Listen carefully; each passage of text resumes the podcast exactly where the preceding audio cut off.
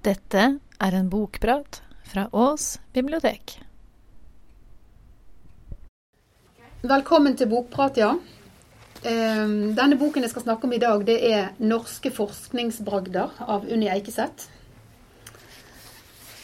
Eh, Det er en bok der eh, det trekkes frem elleve norske forskningsbragder, eller bragder som er begått av norske forskere. Selvfølgelig noen ganger i samarbeid med andre. Og som et eksempel så skal jeg snakke om den aller første i denne boken. Og vi begynner med å lese litt. Et desperat forsøk. 3.11.1879 sto pasienten Kari Nilsdatter på kontoret til Amau Hansen. Det var han som hadde bedt henne om å komme. Nilsdatter var i slutten av 20-åra og var en av fem søsken med lepra. Hun var nå den siste av søsknene som var igjen på stiftelsen, etter at søstera Brita hadde dødd en måned tidligere. Det fantes to ulike former av lepra, og Kari Nilsdatter hadde den typen som ble kalt glatt. Den var kjennetegna ved at pasientene ikke fikk de stygge knutene i hua, men at sta, i stedet førte den oftere til øydelagde fingrer og føtter, og til at en ble blind. Nettopp derfor hadde Amawa Hansen bedt henne om å komme på kontoret. Han tenkte at om han kunne klare å overføre den knutete formen for lepra til en pasient med den glatte forma, ville han være nærere et bevis for at bakteriene han hadde funnet, var årsaken til sykdommen. På arbeidsbordet hadde han en nål som han hadde ført gjennom en knute hos en pasient med den knutete formen for sykdommen. Fremst på nåla var det puss fra knuten, og dette pusset visste han var fullt av stavforma bakterier. Titalls ganger hadde legene forsøkt å få disse byllene til å vokse på seg sjølve eller på forsøksdyr, uten resultat. Danielsen hadde annet, operert inn en slik lepraknute på sin egen overarm, uten hell. På kontoret til doktoren denne dagen var det også to andre leger som satt og arbeidet ved skrivepultene sine. De trodde det var snakk om en liten operasjon på øyet til pasienten, noe som ikke var uvanlig. Amava Hansen ba Kari Nilsdatter komme bort til arbeidsbordet hans, men hun protesterte. Det er ingenting gale med øyet mitt, sa hun. Amava Hansen forsøkte å føre nåla inn på øyet hennes, men Nilsdatter løfta armene for å beskytte ansiktet. Med hjelp fra en av kollegene, forstander Hartvig, fikk Amava Hansen endelig Nilsdatter til å sitte stille. Mens Hartvig holdt hovedet hennes, førte han nåla inn i slimhinna på øyet. Nå gjør du det slik at jeg mister synet, utbrøt pasienten. Nei, svarer doktoren rolig. Amawa Hansen håper at de ørsmå stavforma lekanene som han hadde sett i mikroskopet, ville vandre inn i øyet og formveire seg. Om han bare kunne bli sikker på årsaker, kunne kanskje andre slippe de lidingene som sykdommen hadde påført Kari Nilsdatter. Og skulle forsøket lykkes, mente han at han ville klare å skjære knuten bort uten at det skadde øyehender. Etter hendinga hadde Kari Nilsdatter vondt i øyet. Hun fikk ikke sove og var redd for å miste synet. Hun fikk, fikk etter hvert også vite at nåla som Ava Hansen hadde stukket henne med, var påført puss fra en annen pasient, og at operasjonen var gjort for å prøve ut Amara Hansen sin hypotese om at lepra var smittsomt. Snart ble det også kjent blant de andre pasientene hva, hva Kari Nilsdatter hadde vært utsatt for, og de reagerte med frykt og sinne. Nilsdatter gikk til slutt til sykehuspresten ved Pleiestiftelsen og fortalte om hendinga. Han ble opprørt over den uforskylda smerter som doktoren hadde påført kvinna. Han kjente dessuten til et annet forsøk som Amawa Hansen hadde gjort på en av de spedalske. Den gangen hadde han valgt å ikke gjøre mer massakrer, men nå var det nok. Han bestemte seg for å rapportere hendinga til tilsynskomiteen for Pleiestiftelsen. I 1879 så hadde Amawa Hansen arbeidet med lepra, eller spedalskhet, som er et annet navn for sykdommen, i 22 år. Han hadde sett i mikroskopet og funnet noe som han mente var leprabakterier i puss fra disse billene for pasientene. Men legestanden de var ikke overbevist om at lepra skyldtes smitte.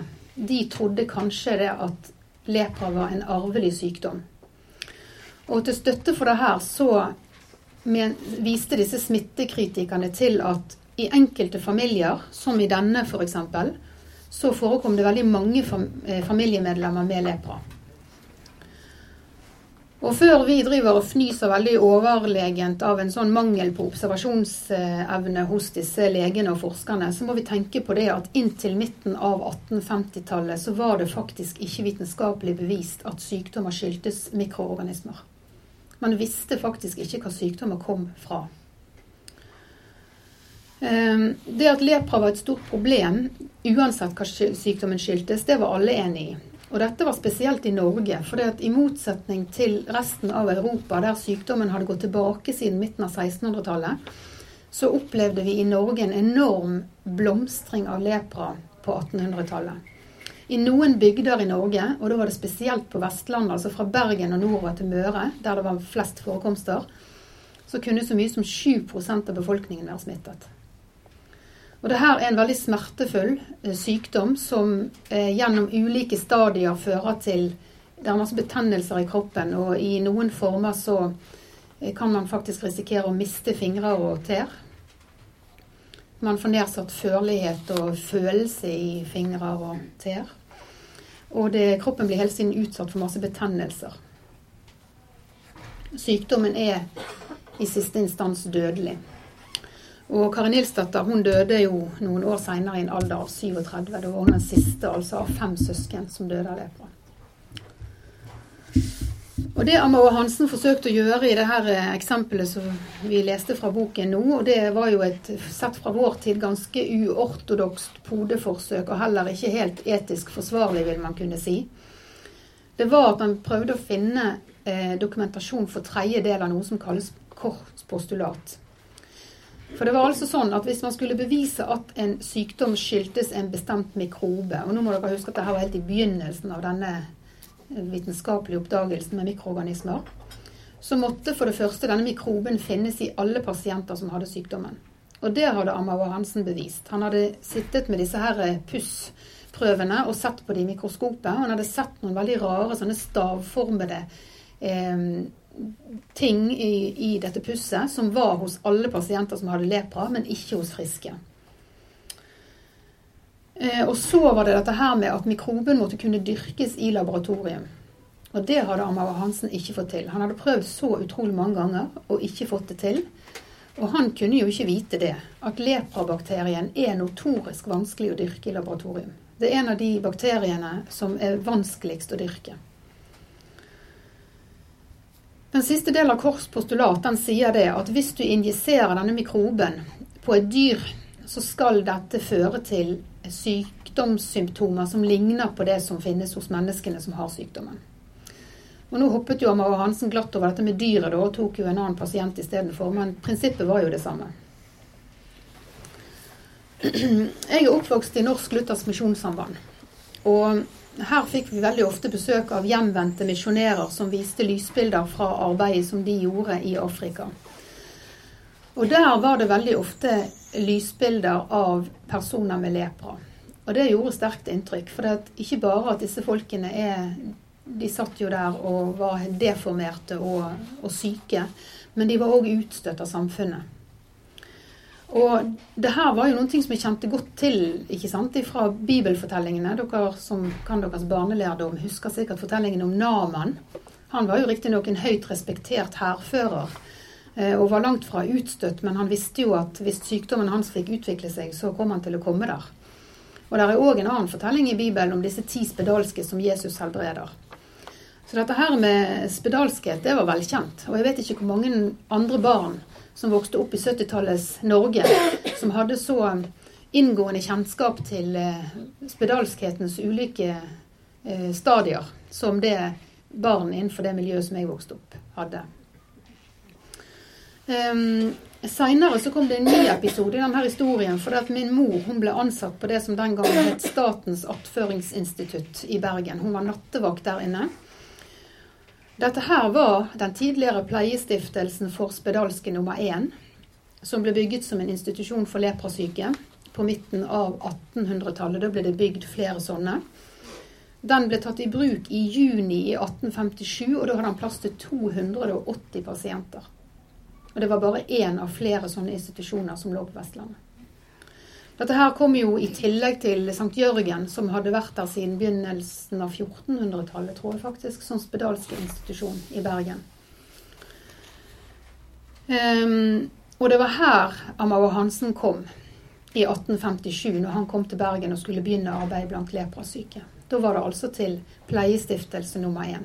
Og det var der min mor begynte å jobbe ganske mye seinere. Da var det jo selvfølgelig ikke leprasyke som bodde der lenger. Da var det jo eh, en del av det som nå er blitt Nav-systemet. ikke sant? Det var attføring for folk som skulle finne seg noe annet å gjøre, ofte etter sykdom og ulykker. Men den gangen når det var Pleiestiftelsen og de leprasyke bodde der, så visste de det at de som ble skrevet inn der, de kom aldri ut igjen derifra. De ble aldri skrevet ut. De ble der til de døde. Pleiestiftelsen den var faktisk i bruk som leprasykehus helt frem til 1956. Altså i godt 100 år. Da var det bare sju pasienter igjen. Og da overtok som sagt Statens attføringsinstitutt. De overtok bygningen, og de overtok ansvaret for de pasientene som var igjen. Jeg har besøkt min mor når hun var nattevakt der. Jeg besøkte min mor på jobben. Og det å gå rundt i dette huset spesielt i de øvre etasjene, seint på kvelden. Det var en ganske spesiell opplevelse. Jeg tror ikke jeg driver og innbiller meg så veldig mye. Jeg er ikke sånn der som føler trang til å kalle på åndenes makt og sånn. Men det er et hus hvor du følte virkelig at skjebnene til de som hadde vært der, all den lidelsen, både fysisk og mentalt og sjelelig, den hadde satt seg i veggene der. Så det var en ganske spesiell opplevelse. Det kan nevnes at den siste leprapasienten i Norge, det var en 78 år gammel kvinne som døde 2.7 i 2002. Så lenger er det ikke siden. Og årlig nå så blir det fremdeles smittet mange, mange, mange hundre mennesker, 100 000 mennesker, av lepra. Ikke i Norge. India f.eks. er veldig utsatt for lepra. Når vi leser om Amara Hansens utrettelige forsøk på å avdekke årsakene til lepra, så er det vanskelig å forestille seg den tåken som de her tidlige vitenskapsmennene, det var som oftest menn, arbeidet i. Det var jo sånn at alt som vi nå, den kunnskapen som vi nå tar som en selvfølge, den var det de som satte i gang å oppdage. Og vitenskapelige prinsipper og vitenskapelige apparater de ble utarbeidet underveis i prosessene. Dette var virkelig nybrottsarbeid. Og Samtidig så ble det utarbeidet systemer for publisering, for, både for selvfølgelig å kreditere de som hadde gjort jobben og gi de æren, men òg for at andre forskere skulle få tilgang til forskningsresultater. Og Det er det her systemet for publisering og deling av vitenskapelige resultater som gjør at på, på knappe 150 år, altså siden midten av 1800-tallet, så har vi kommet frem til der vi er i dag. Altså Fra å ikke ane noen ting om hvordan sykdommer blir fremkalt, bare ha en sånn vag idé om at det er noe som gjør at vi blir syke, så vet vi så utrolig mye mer. Og det her syns jeg kanskje er det aller mest spennende med Unni Eikseth sin bok om norske forskningsbragder. Det er det at han vektlegger forskning som prosess og systematisk arbeid. Eh, vi ser det at forskerne står alltid på skuldrene til de som har gått foran. De bygger kunnskapen stein på stein. Og så er det fascinerende hvor utrolig mange rare fremgangsmåter disse her forskerne pønsker ut underveis. For det er jo ingen som forteller dem at nå går du og gjør dette her. De vet hva de skal finne ut, men de aner ikke hvordan de skal finne det ut. Og da er det f.eks. i et annet kapittel i denne boken en ganske inngående beskrivelse av to forskere som står ute på kjølerommet og kverner opp 20 kilo morkaker eh, i en kjøkkenmaskin for å klare å finne det som kan bevise at DNA kan reparere seg sjøl. Da måtte de ha ganske store mengder materiale, for det ble jo destillert og destillert og destillert. Så de 20 kiloene endet opp eh, i et bitte lite reagensglass til slutt. Men Det var det som skulle til for å bevise dette her med DNA-reparasjon. Og det kan jo bety enormt mye ikke sant, for behandling av sykdommer i fremtiden. Så etter at, at man har satt det mentale bildet av disse to forskerne ute på kjølerommet, så slutter man liksom også å tenke på forskere som sånne kjølige eh, intellektuelle som svever rundt på sterile laboratorier i de hvite frakkene sine. Da vet man at det er faktisk mye manuelt arbeid og mye hardt arbeid. Så det her er altså elleve norske forskningsbragder, veldig kort beskrevet for lekfolk som ikke har eh, noen bakgrunn innenfor disse vitenskapelige greiene her. Her får vi oppdagelser eh, fra et vidt felt, både med medisinsk forskning, som av Mara Hansen, og til astronomi. Så selv om man ikke har eh, vitenskapelig bakgrunn, så er det ikke noe vanskelig å henge med i svingene i denne boken. Hun forklarer veldig godt Unni Eikeseth. Veldig pedagogisk. Og i tillegg til å gi oss glimt inn i selve forskningen som disse personene har bedrevet, så får vi sånne eh, små glimt av forskernes personlighet. F.eks. det at nordlysforskeren Christian Birkeland han brukte alltid fes, altså sånn her eh, arabisk hatt, ikke sant, i laboratoriet. Og han spøkte og sa at det var fordi han skulle beskytte seg sjøl mot stråling, da. Um, Jon Ugelstad, som um, har som fant opp en prosess for å lage sånne helt identiske bitte, bitte, bitte små kuler som brukes til veldig mange forskjellige ting. Både innenfor f.eks. Eh, produksjon av TV-apparater og innenfor medisinsk forskning. Han hadde en vane med å sprette opp av sengen midt på natten for å notere når han kom på noen ting. Og det førte til det at han og kone etter hvert måtte få separate soverom. Fordi hun ble så forstyrret av det her at han spratt opp til stadighet. Dette er en utrolig fin bok i førjulstiden, vil jeg si. For det at de her kapitlene de er ganske korte. Du ser elleve stykker i denne lille tynne boken. sant? Det er perfekt eh, lengde på disse kapitlene til at dere rekker å lese ett. F.eks. mens ribben steiker, eller noe. sant? Mm. Så denne vil jeg virkelig anbefale. Eh, for kunnskap og underholdning. Unni Eikeseth. Norske forskningsbragder. 頑張れ。